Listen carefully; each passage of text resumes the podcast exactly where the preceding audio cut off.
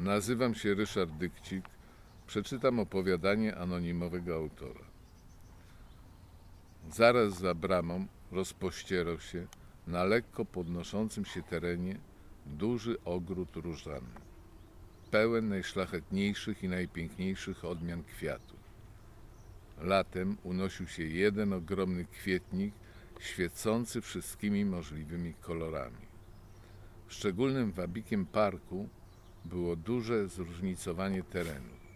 Pagórki, wąwozy, spadziste drogi, zimą przydatne do saneczkowania, a na środku błyszcząca grota, na której ścianach świeciły w nieograniczonej liczbie kolorów skorupy pochodzące z byłej huty szkła jeszcze tajemniczo wypływające ze spodu źródło.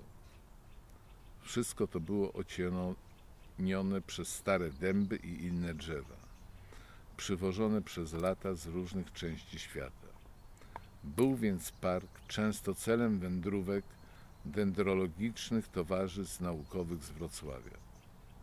W gaju wysoko rosnących sosen kwitły wiosną rododendrony we wszystkich kolorach, a azalie świeciły i wydobywały słodkie aromaty.